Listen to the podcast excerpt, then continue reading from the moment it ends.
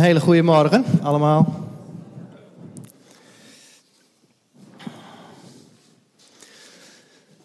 Vandaag een, uh, ja, toch altijd weer een bijzondere dienst, de Zondag van de Leidende Kerk, waar we ook uh, ja, bewust ook stilstaan bij onze broeders en zussen die ja, ook vervolgd worden omdat zij geloven in, uh, in onze levende God. Broeder Ben, die zal het woord ook doen vanmorgen, dus welkom natuurlijk. Ik wil even uh, mijn moeder hartelijk welkom heten. Die is ook weer in de dienst. Na een uh, acht weken ongeveer aanwezig te zijn. Dus uh, nou, ik ben blij dat mama er weer is.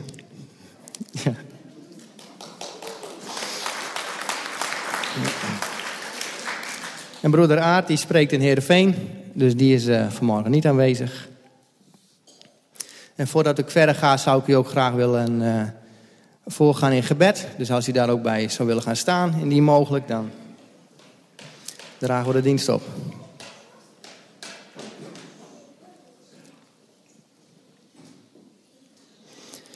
Dank u wel, Vader in hemel, voor deze mooie nieuwe dag. Dank u wel, Heer, dat we ook mogen weten dat u ook vanmorgen bij ons bent. Heer, dat u ook ons, ja, onze onze zang, Heer, onze, wat we mogen zingen, dat u dat ook zult horen. En Heer, dat u dat ook mag aannemen, Heer, als een, een offer, Heer, als een, een lofprijzing voor u. Heer, dank u ook dat u uw geest ook heeft gegeven aan ons, Heer. En dat mochten we vorige week ook bij stilstaan, Heer. Heer, dat we hier niet alleen zijn achtergebleven, Heer, maar ja, dat u zo ook bij ons bent. En daar danken we ook voor. Heer, ik wil u ook zo deze dienst, Heer, mogen we in uw handen leggen. Heer, wilt u alles zegenen wat hier zal gebeuren. Deze morgen hier in de zaal, maar ook achter bij de kinderen. Heer, dank u wel dat ja, u hier bent en dat ook alles in uw hand ligt, Heer.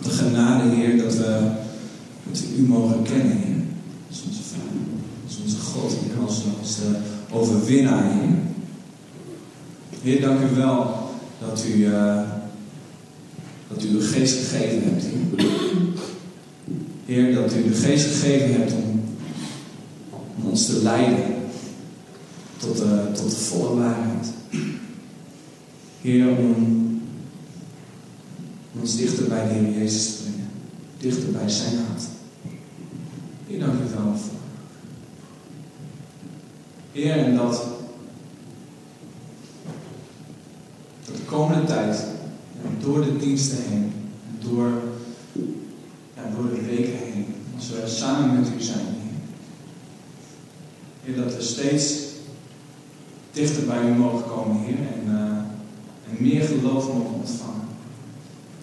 Sterker worden, Heer, in u. Meer op u gaan lijken, Heer, zodat het werkelijk een verschil gaat worden, Heer, in onze omgeving. Heer, op ons werk, in de kerk,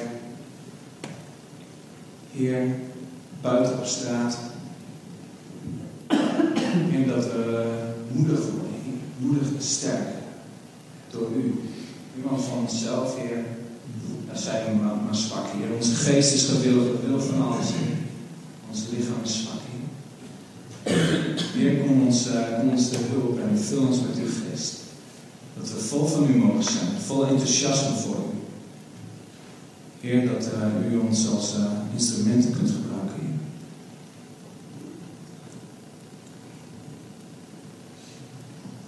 Heer, zo willen eh,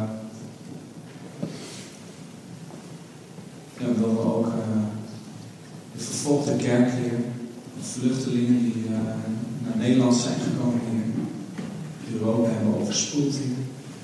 En naar deze hele situatie nu handen Heer, dat we, dat we op de bres mogen staan hier voor, voor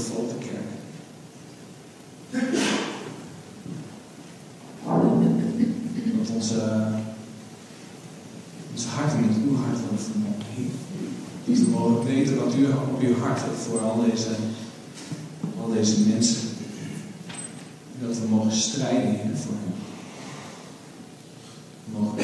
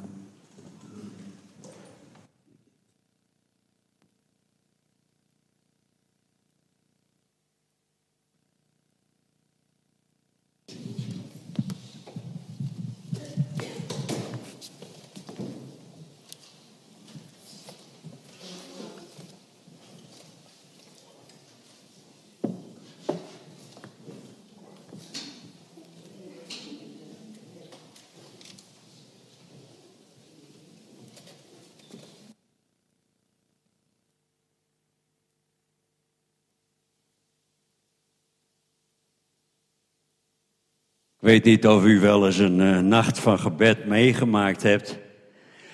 Er zijn mensen die denken, oh dat is moeilijk, zo'n hele nacht bidden, dat is... eh, nee hoor. Maar ik zou u willen aanraden om er zo'n nacht mee te gaan maken. Want u bent helemaal niet verplicht om de hele nacht daar te blijven. En er is heel veel informatie op zo'n avond. Er is video's worden er vertoond. Getuigenissen kunnen gegeven worden. En eh, ik meen dat er ook een livestream verbinding is met iemand uit India midden in de nacht. Dus eh, men eet even, drinkt even wat. Men eet vaak op verschillende plaatsen wel een kopje soep. Dus het, het vliegt feitelijk om zo'n nacht. Dus ik wil u echt vragen om eh, hier naartoe te gaan. Ook ter bemoediging van onze broeders en zusters. En die merken dat ook. Die, die komen altijd weer terug. Dat er gebed voor hem mag zijn.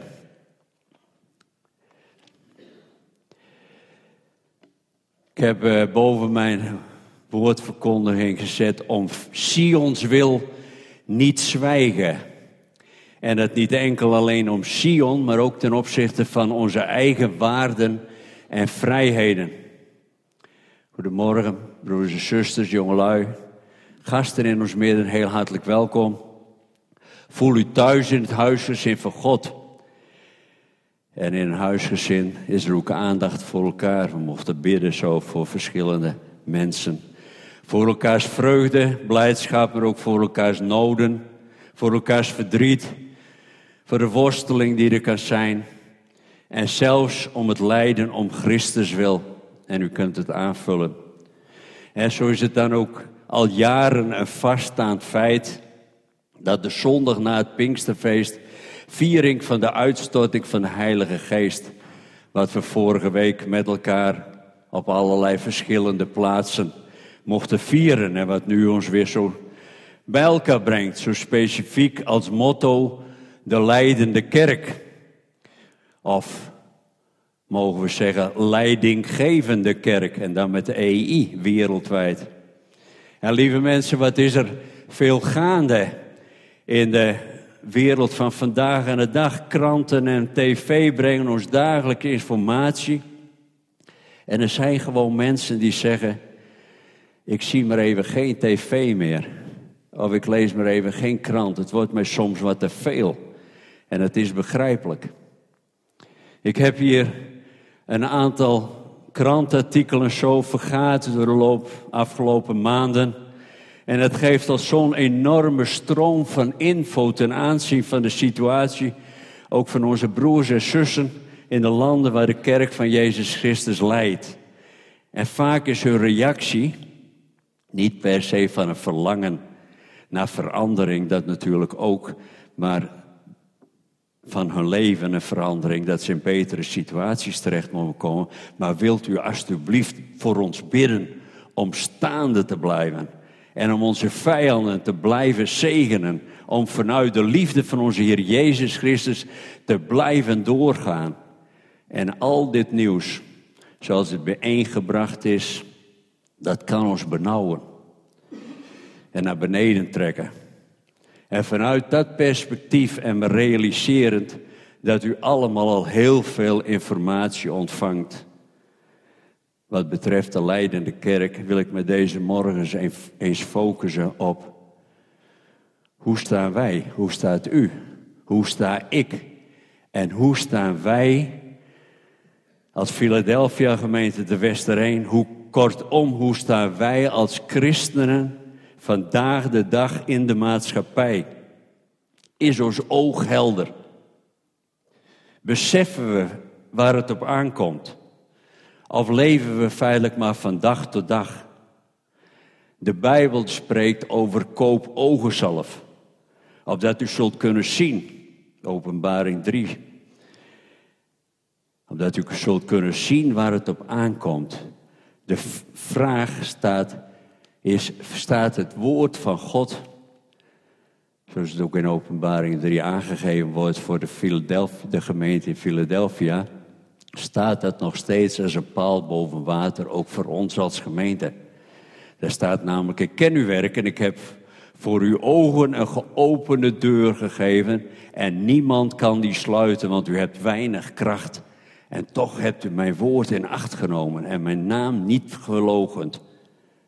En dan, wat wil Gods woord vandaag en de dag tegen ons als gemeente zeggen? Hoe bepalen wij ons standpunt ten opzichte van de huidige problematiek?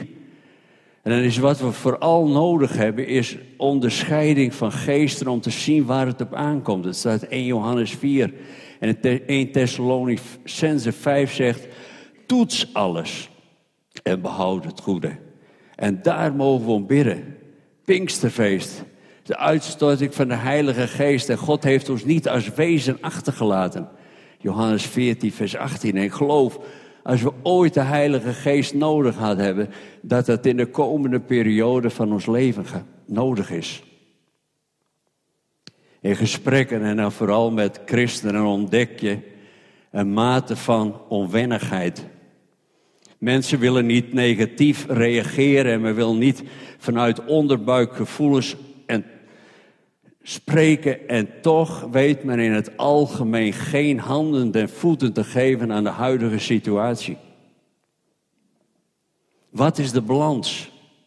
Aan de ene kant roept het woord van God ons op onze harten en onze deuren wagenwijd open te zetten voor de noodruftigen. Tussen haakjes voor de jongelui is even ouderwets woord voor armen en behoeftigen. God voorziet hier al in. In Lucas, in Leviticus bedoel ik, 19. Als iemand een veld had en hij maait het af, moest hij de rand laten staan voor armen. Had hij een wijngaard, staat er, mocht hij niet al de druiven eraf lezen. Het laatste moest hij laten zitten voor de armen, de behoeftigen en voor de vreemdeling. We kennen de geschiedenis van Rut met Boas. En Rut komt gezegend terug bij haar schoonmoeder. Gods goede zorg voor de armen en de vreemdelingen. Ze huisvesten en kleden. Het woord van God spreekt over gastvrijheid, ontferming, etc. En toch, en toch.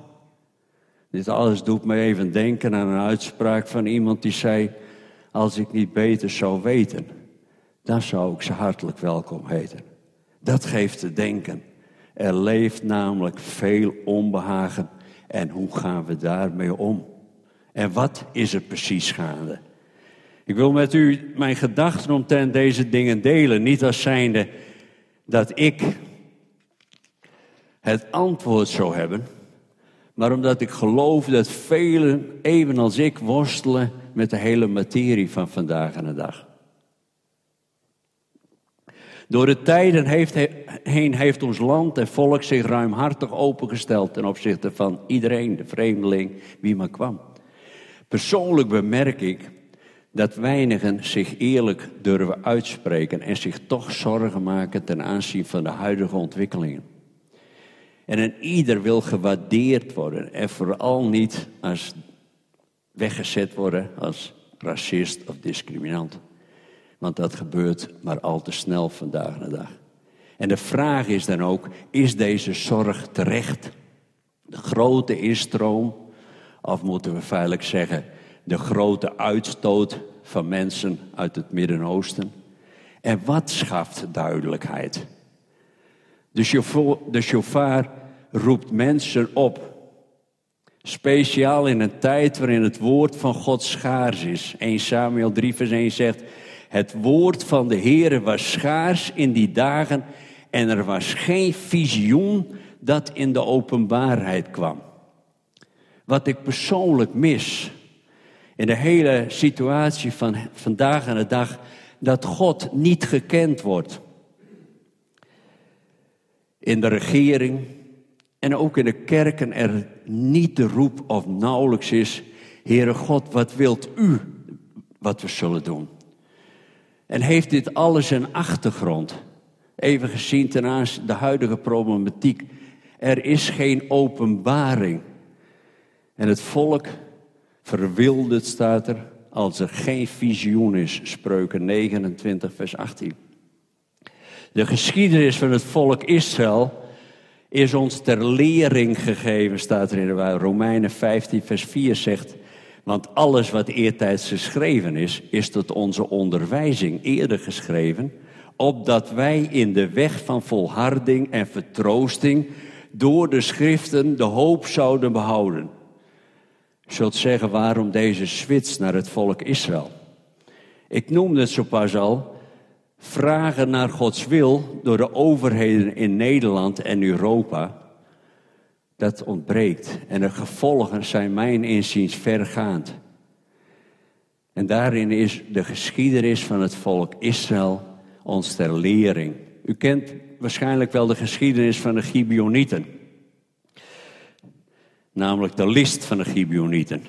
Jozua is pas als leider aangesteld voor het volk Israël. Mozes die was er niet meer. Jozua moest het volk het land inbrengen. En dan hebben ze de grote overwinning gehaald bij Jericho.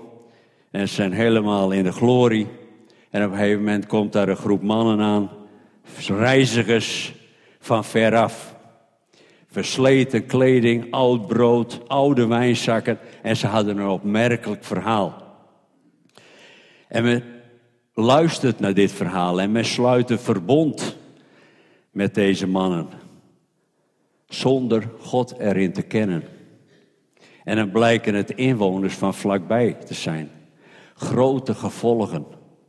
Lees Josia 9 thuis maar eens even door. En iedere keer wanneer het volk Israël afweek van Gods geboden en inzettingen door zonden, onreine praktijken, ontucht en zelfs kinderoffers, dan kwam het land onder invloed van vreemde overheersers.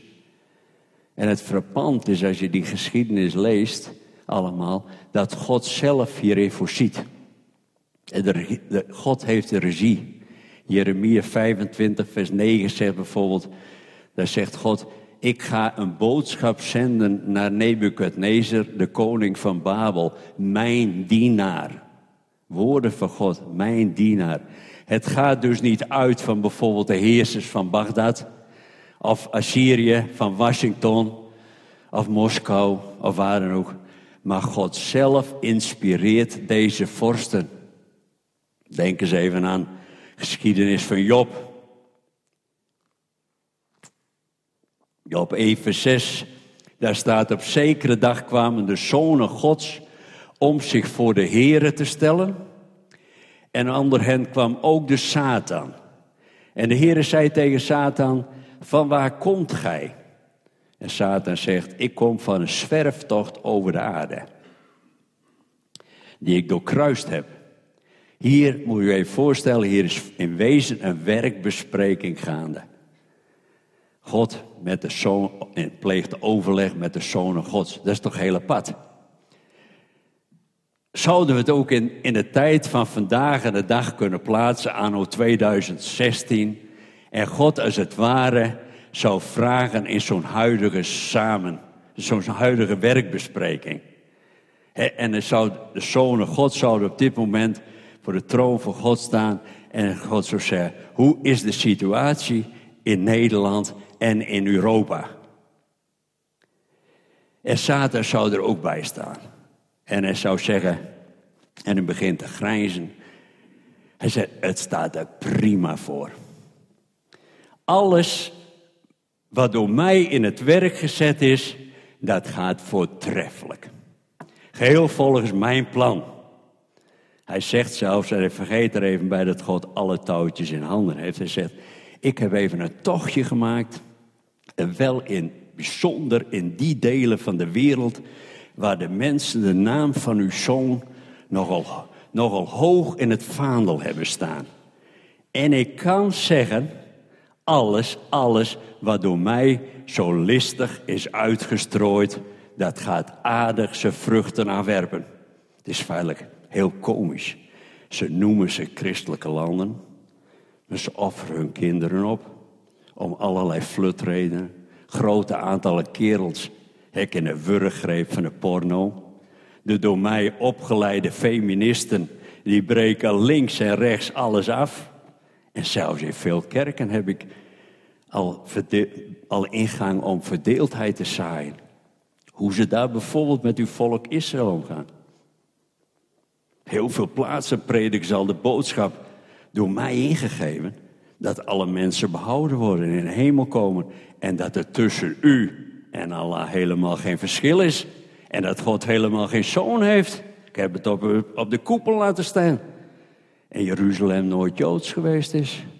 Ah, ik strooi een heerlijke verdeeldheid. En was het niet zo dat u in Genesis 21 over Hagar, haar zoon Ismaël, zei: Ik maak hem tot een groot volk. En zegt Satan: Daar heb ik ook nog wel wat plannetjes mee. Met het immens grote volk. En de mensen zeggen: Ze hebben het gewoon niet door. Hoe subtiel ik dat spel speel in die zogenaamde vrije landen. Oh, als eens wakker zouden worden. U begrijpt. Echter niet voorbijgaande aan Genesis 16, vers 12, de aankondiging van de geboorte van Ismaël. Jawel, de voorvader van. Staat er, hij zal zijn een wilde ezel, zijn hand zal tegen allen zijn. En Paulus zegt later over Satan, zijn listen en streken zijn ons niet onbekend. U begrijpt, dit zijn zomaar even wat vrije gedachten van mij.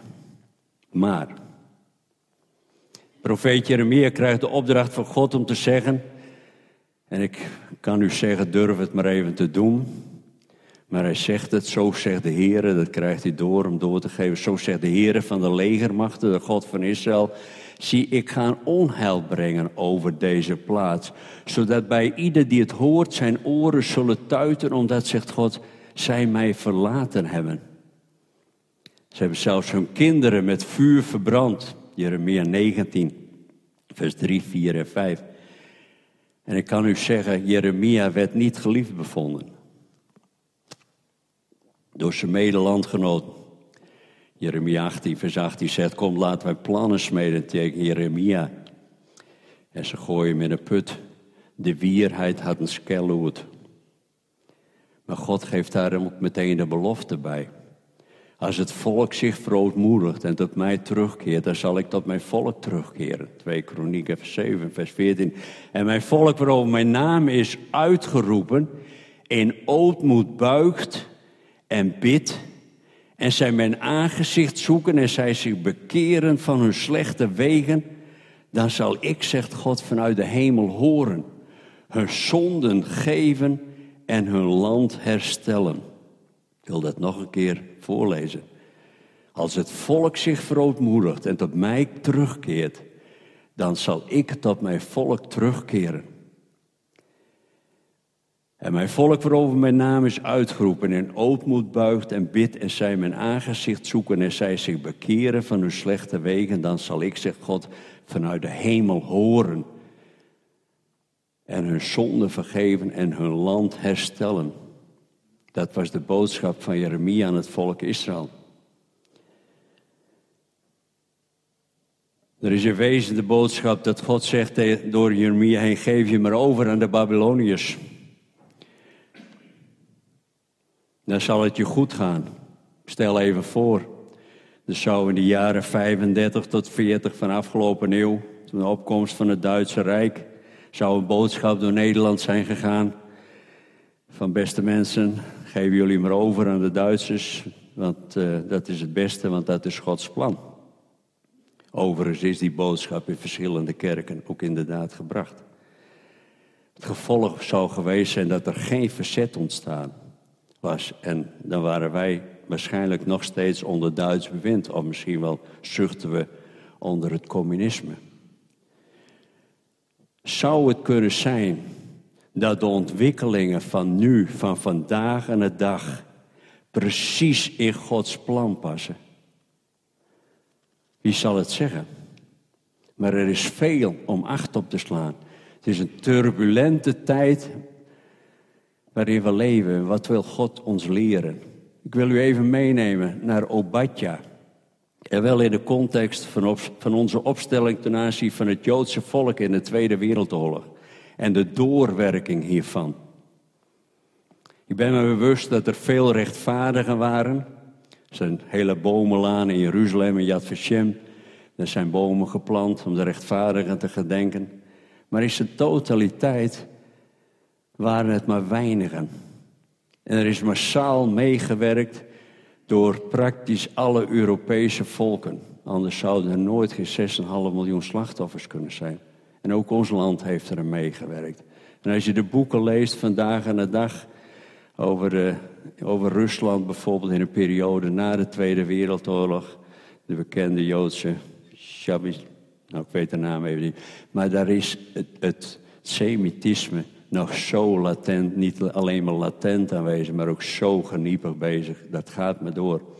Ook de behandelingen van Joodse overlevenden die terugkwamen na de Tweede Wereldoorlog uit de gevangenkampen, dat verdient geen schoonheidsprijs. Beste mensen, het is inmiddels 70 jaar voor Europa. Maar wil dat zeggen dat wat in het boek Obadja staat niet meer aan de orde kan zijn, of dat het juist nu actueel is. Ik wil u voorlezen Obadja.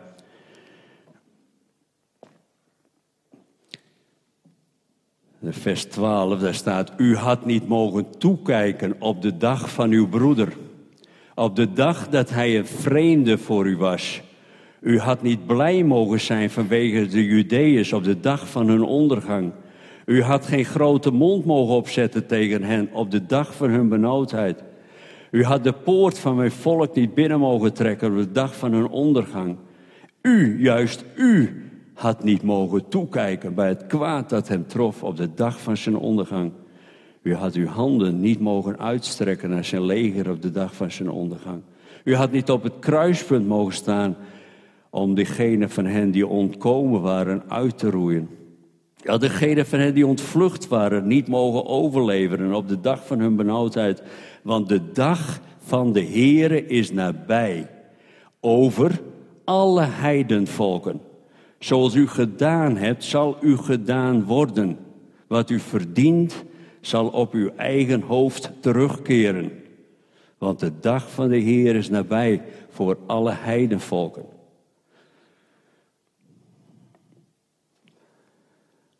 Er staat, u stond aan de kant. Wilt zeggen, hebt geen hand uitgestoken.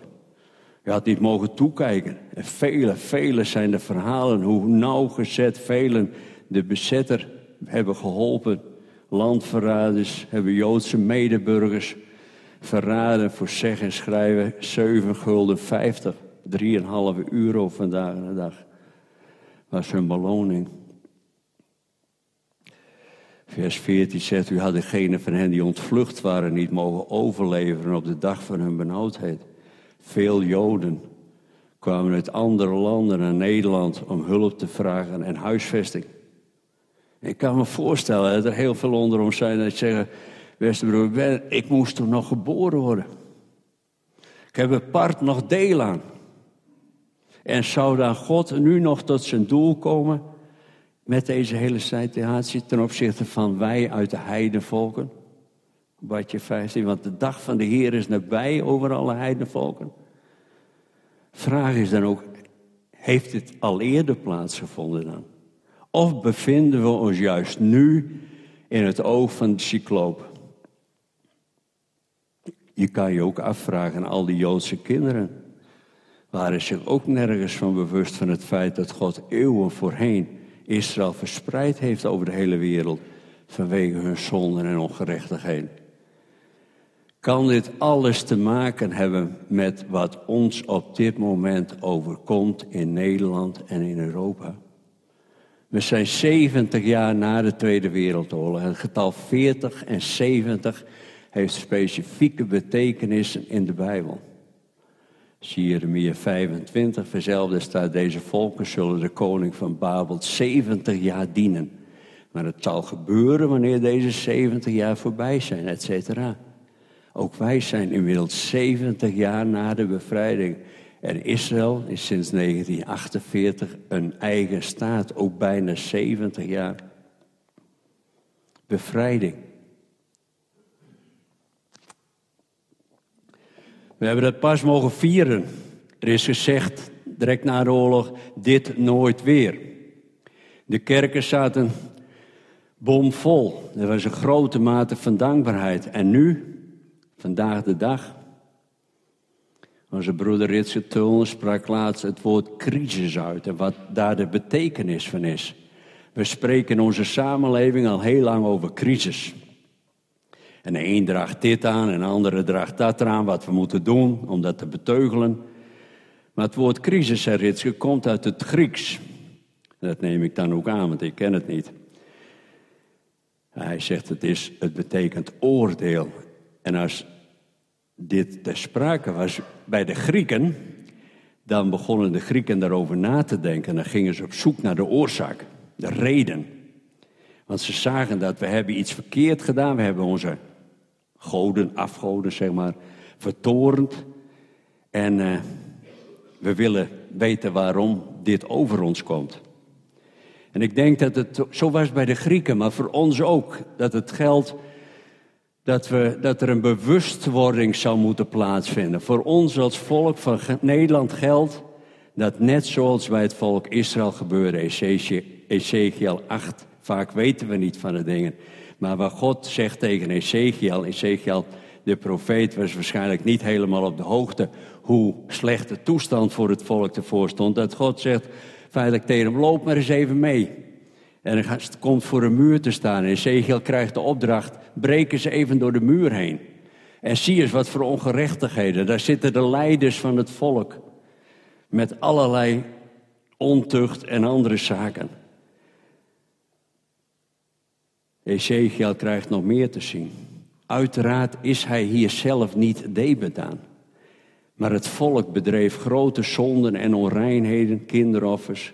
En het gevolg daarvan was vreemde overheersing. Echt, en dat gaat niet van de ene dag op de andere. Als er iets verkeerds gebeurt, dat meteen bam. Nee, dat gaat geleidelijk aan. Want God zegt in Ezekiel 9, vers 9, de ongerechtigheid is buitengewoon groot, buitengewoon. Dan zult u misschien zeggen, ja, dat betreft Israël. Maar is de situatie in ons land, in Europa, anders, beter? Velen zullen antwoorden, en dat is ook terecht, maar wij leven toch naar Gods geboden en inzettingen. Dat zijn er gelukkig nog heel vele, ook in Europa. Maar we leven wel met elkaar in een maatschappij waarvan u en ik deel uitmaken en een stuk verantwoordelijkheid voor dragen. Wat als wij het woord crisis eens gaan interpreteren als oordeel en ons gaan afvragen, Heere God, wat is er mis? Welke zijn onze zonden? Als volk, als natie, als Europa. Wat er vandaag de dag allemaal gebeurt zijn de toevalligheden, de wetteloosheid, de zedeloosheid, drank, drugs, porno. Hoe zien we de moord op het ongeboren kind? Ik noemde u pas dat direct na de oorlog de kerken bomvol zaten. Maar al snel kwam er, er de God is dood theologie. Met alle gevolgen. Ons land is vol afgodsbeelden. De boeddha's staan overal. Het heet fun te zijn. Er zit duidelijk een duistere macht achter. U bent er niet vrijblijvend mee bezig. Horoscopen in veel tijdschriften, homohuwelijken, spotters en lasteraars op tv, vloeken om het leven. Ja, zijn kerstboom laten tatoeëren is top vandaag de dag. 30.000 abortussen op jaarbasis in Nederland. De minister van Industrie in Duitsland verklaarde vorig jaar: wij hebben de instroom nodig. We hebben de instroom uit het Midden-Oosten nodig, want voor, voor, de, voor onze fabrieken, voor de industrie. En dat is waar, daar heeft hij gelijk aan. Maar wat is de reden, wat is de oorzaak? Ook in Duitsland meer dan 150.000 abortussen, lieve mensen, op jaarbasis. Rekenen ze uit over 20, 30 jaar. Hadden arbeiders kunnen zijn in de fabrieken. Ze hebben ze nodig, want ze zijn er dood gewoon niet. Ze zijn dood. Het bloed roept van de aarde. Genesis 4, vers 10 zegt: En God zei tegen Kain: Wat hebt u gedaan? Er is een stem van het bloed van uw broer dat van de aardbodem tot mij roept. Wereldwijd dan 40, 50 miljoen abortussen. En zou dit bloed niet roepen tot God de schepper en de formeerder van alle leven, lieve mensen. We hebben een evangelie gebracht van God is liefde. En het is hij ook. Maar hij is ook een torenend God. Een wrekend God. En zonde en ongerechtigheid kan voor hem niet bestaan. En zou dat mede de oorzaak kunnen zijn dat we met elkaar in de huidige situatie in Europa zijn terechtgekomen. Jeremia 25 spreekt over de beker van Gods toren. Want zegt God, ik roep het zwaard op tegen alle bewoners van de aarde. Ik roep het zwaard op tegen alle bewoners van de aarde. Zou dit het zwaard van de islam kunnen zijn? Ismaël, zijn hand zal tegen allen zijn en de, en de hand van allen tegen hem, hebben we gelezen in het Genesis 16. Zou het kunnen zijn dat in deze periode van leven, waarin we nu zitten, Obadja en Jeremia 25, vers 29b samenvloeien? En wat er over Damascus en Syrië is uitgesproken en de instroom in Europa, gaat het de islam na twee eerdere pogingen nu wel lukken? Het fort Europa in te nemen, nu tamelijk geruisloos.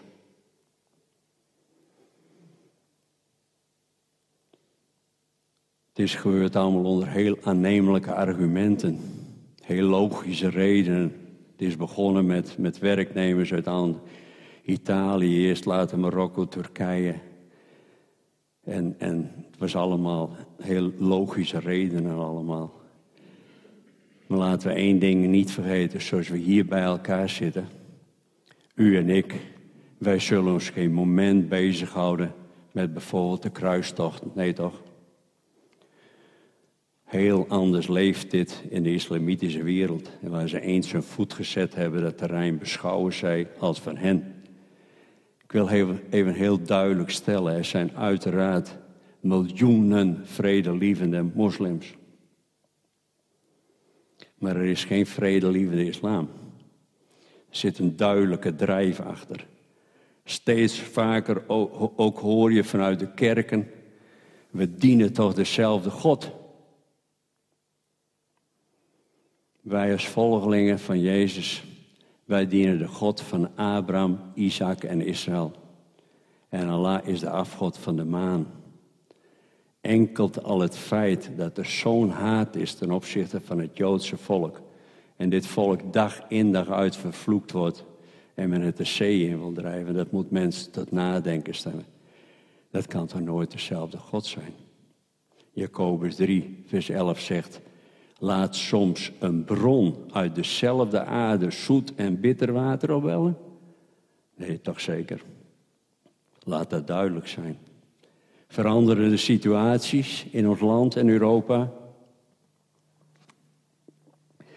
Ik denk dat we daar serieus rekening mee moeten houden. Alleen als we zien hoe de Joodse gemeenschap opnieuw in het nauw komt en velen Europa al verlaten En dan staan we opnieuw toe te zien, Obadja 12. U had niet mogen toekijken op de dag van uw broeder, omdat hij vreemde voor u was. U had niet blij mogen zijn. Ik wil niet zeggen dat u blij bent dat de Joden Europa uitgaan, maar er zijn wel heel veel en die zijn wel erg blij. Er is niks veranderd. De acties boycotten Joden, koop geen Israël-producten. Zelfs gesteund door bewegingen binnen de kerken. Obadja 12, u had niet mogen toekijken op de dag van uw oudste broer en niet blij mogen zijn over hun ondergang. Hun ondergang, daar is Satan op uit. Het is een tijd om uh, vreesachtig te zijn? Absoluut niet. Het woord van God zegt, heft uw hoofden omhoog. Het zijn de tekenen dat de komst van onze Heer Jezus Christus, Lucas 21, vers 28, aanstaande is. Vraag is echter, wel weten wij als gemeente, als christenen, de wapenrusting Gods te hanteren. Een goed soldaat kreeg een handboek, soldaat, en hij oefende daar uren, bijvoorbeeld om zijn wapen, zelfs blindelings in en uit elkaar te te monteren, weer in elkaar te zetten. Kennen wij het woord van God als het, als het al anders gaat worden, beste broeders, zusters? Kennen wij het woord van Is Hij de rots waarop we bouwen? Gelukkig, het is nog genadetijd. Ook al omdat in 2 Timotheus 3 vers 9 staat, daarvoor leid ik verdrukkingen. Bent u, ben ik bereid verdrukkingen te verdragen om Jezus wil. We hoeven daar geen antwoord op te geven. Want de Heer Jezus zal het ons geven op het moment dat het nodig is. Maar lieve broeders en zusters, jongelui, wat zou het goed zijn dat er over Nederland, over heel Europa, een beweging van Gods geest zou ontstaan, van het zoeken van Gods aangezicht. En staat er, hebben we mogen lezen, als het volk zich verootmoedigt hun zondebeleid en ze nalaat. En zegt God, zal ik uit de hemel horen en hun zonde vergeven en hun land herstellen. 2 Kronieken 7, vers 14. En dat mogen wij doen als kinderen van God. Plaatsvervangend schuldbeleiden voor ons land, voor het volk. Dus er zelf niet te zijn, maar toch beseffen dat voor God zonde niet kan bestaan. En als het zo is dat we een leidende kerk zullen worden. Dat we dan een triomferende kerk van onze Heer Jezus Christus mogen zijn. God heeft ons zijn gereedschappen toevertrouwd. Slot wil ik nog zeggen, misschien kan zijn dat de echte essentie van dit woord deze morgen voor u nog niet helemaal duidelijk is, geen rode draad ontdekt. Dan wil ik zeggen van, Gooi het niet direct aan de kant. Je kunt een cd aanvragen, je kunt het nog eens naluisteren. Voor mijzelf kan ik zeggen dat ik een lange voorbereiding gehad heb en mij regelmatig heb afgevraagd: Heren, is dit de boodschap voor de gemeente voor de zondag van de leidende kerk? Ik heb enkelen dat gedeeld en hebben gezegd: Ben, we bidden. En je bent ermee bezig. Je, het, je draagt het in je om. Je eet het als het ware.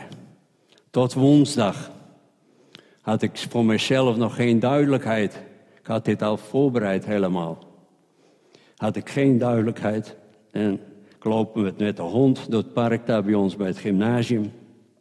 En ja, dan ben je er ook mee bezig. Je bidt ervoor. De Heer van, ja, moet het anders?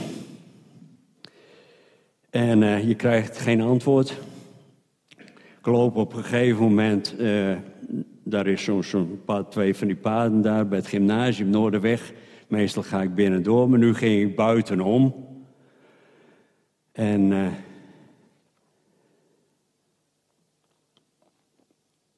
halverwege daar, je hebt daar de weg, je hebt het fietspad, je hebt het trottoir. En dan heb je daar de het grasveld. En halverwege dat grasveld, daar zie ik een formulier liggen. En ik pak wel vaker eens even wat op. En ja, eh, een beetje de boel schoonhouden ook nog. En ik gooi dat dan in afvalbak. Maar ik pak dit op. En wat denkt u wat het is?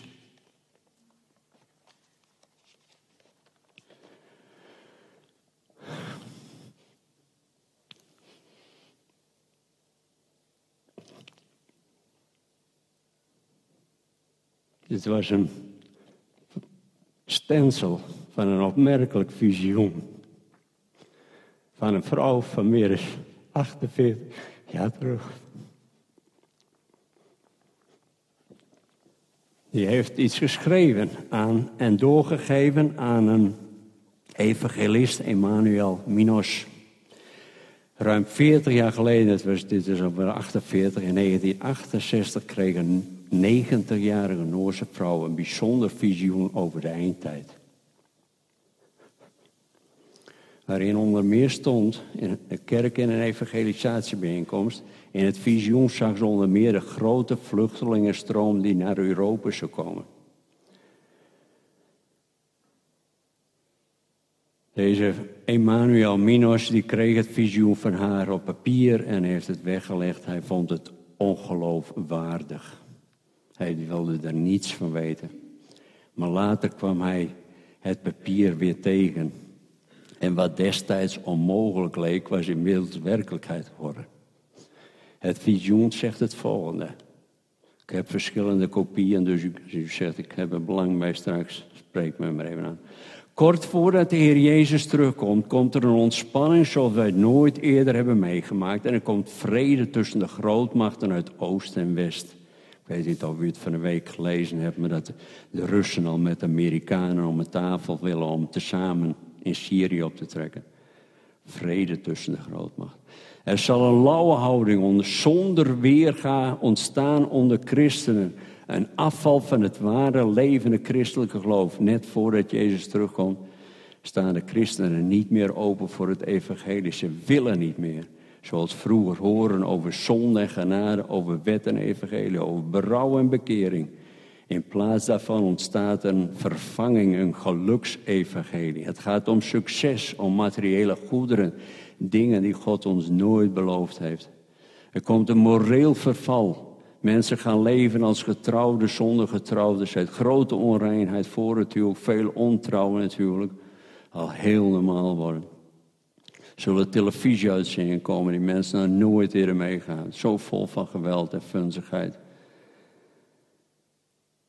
Mensen uit arme landen zullen naar Europa stromen. En er zullen zoveel komen dat mensen uit het vervelend beginnen te vinden. En dat staat er ook op dat ze verlegen worden met de situatie.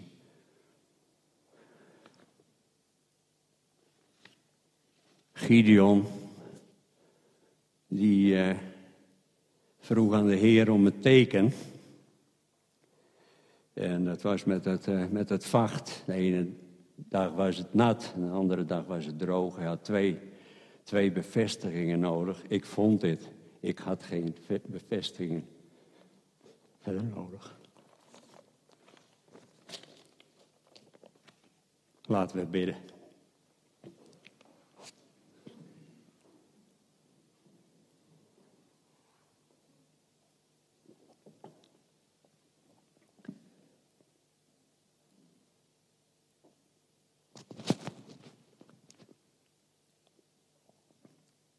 Hemelse Vader, we mogen uw kinderen zijn, Heer. We mogen uw, uw volk zijn. U hebt ons gekocht en betaald met uw dierbaar, kostbaar bloed. En niemand zal ons kunnen rukken uit vaders hand.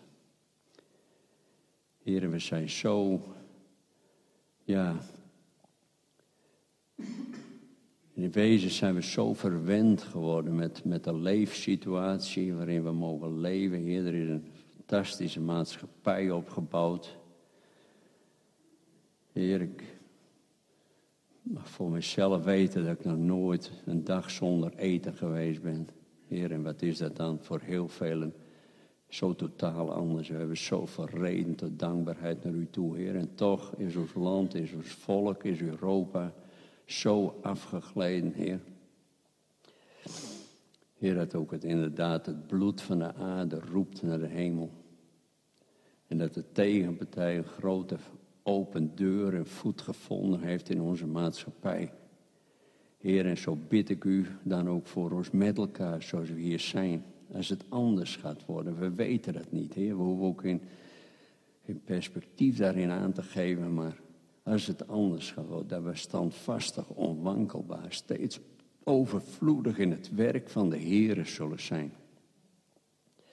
Heer, en we bidden zo voor onze overheid in het bijzonder, Heer, dat daar ook mensen opstaan, Heer, die gaan zeggen, het woord van God zegt. En dat we ons landelijk ook gaan verootmoedigen voor uw heilig aangezicht. En uw naam aangeroepen, Heer. En uw woord zegt ook dan wij onze zonden nalaten. Maar dat er een beweging van Gods geest mag ontstaan. Dat mensen zich gaan bewust worden dat het zo niet langer kan. Heer, dan zegt u in uw woord en belooft u dat u terugkeert ook, ook tot uw volk Israël, maar ook tot ons. Dat mogen we weten. Want u bent een genade God. Een liefdevol vader. Heer, wat ik door mocht geven zo. U weet dat ik er mee geworsteld heb. U weet de strijd daar rondom, Heer, maar ik heb niemand gezien die daar een papiertje neergelegd heeft voor mij, omdat die wist dat ik hiermee worstelde. Maar het lag er. Heer, en ik wil u bidden dat we dit ter harte nemen en ter oren nemen. En dat ieder ermee bezig gaat, Heer. Niet om angstig te worden, maar dat we ons mogen richten op het volkomen, Heer. Dat we de wapenrusting Gods die u ons gegeven hebt in uw woord, dat we die aan mogen trekken, Heer. En dat we standvastig, onwankelbaar, steeds overvloedig in het werk van de Heer mogen zijn. Vader, zo bidden we ook een rijke zegen over, uh, over vrijdagavond, als de nachten van gebed er zijn. Heer, voor, uh, voor onze broeders en zusters die vervolgd worden, maar geloven, overtuigen in uw Zoon Jezus Christus. Heer, en ik bid u als het anders is in, wordt in ons land, dat er ook zulke getuigenissen gegeven kunnen worden, Heer.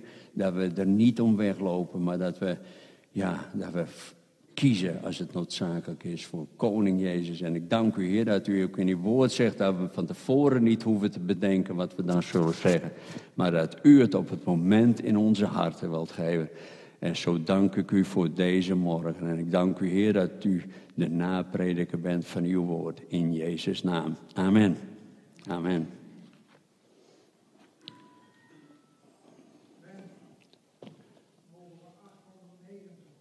Ik weet er niks van.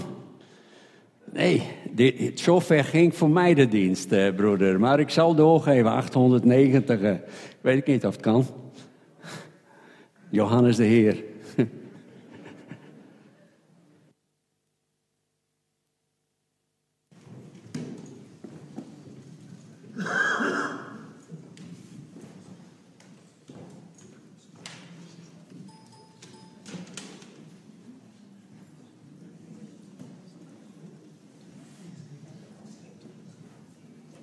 Nou moet ik zeggen dat ik uh, volgens mij Johannes 800 zoveel niet zo goed ken. Dus dan zouden a cappella moeten zingen.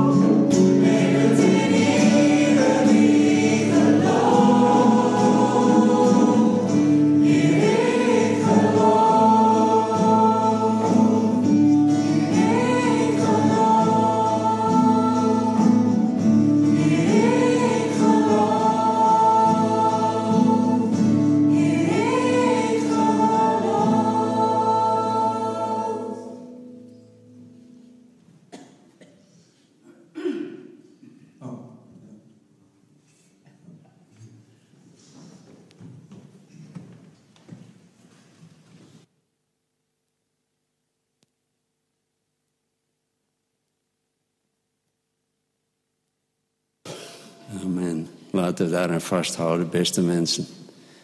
Te zien op een rots. En dan mogen we de zegen meedragen als we naar huis gaan. De Heere zegen u en behoed u. De Heere doet zijn aangezicht over u lichten en zij u genadig. De Heere verheffen zijn aangezicht over u en geven u zijn vrede, zijn shalom. Halleluja. Amen. Gezegende zondag. Is nog koffie, thee.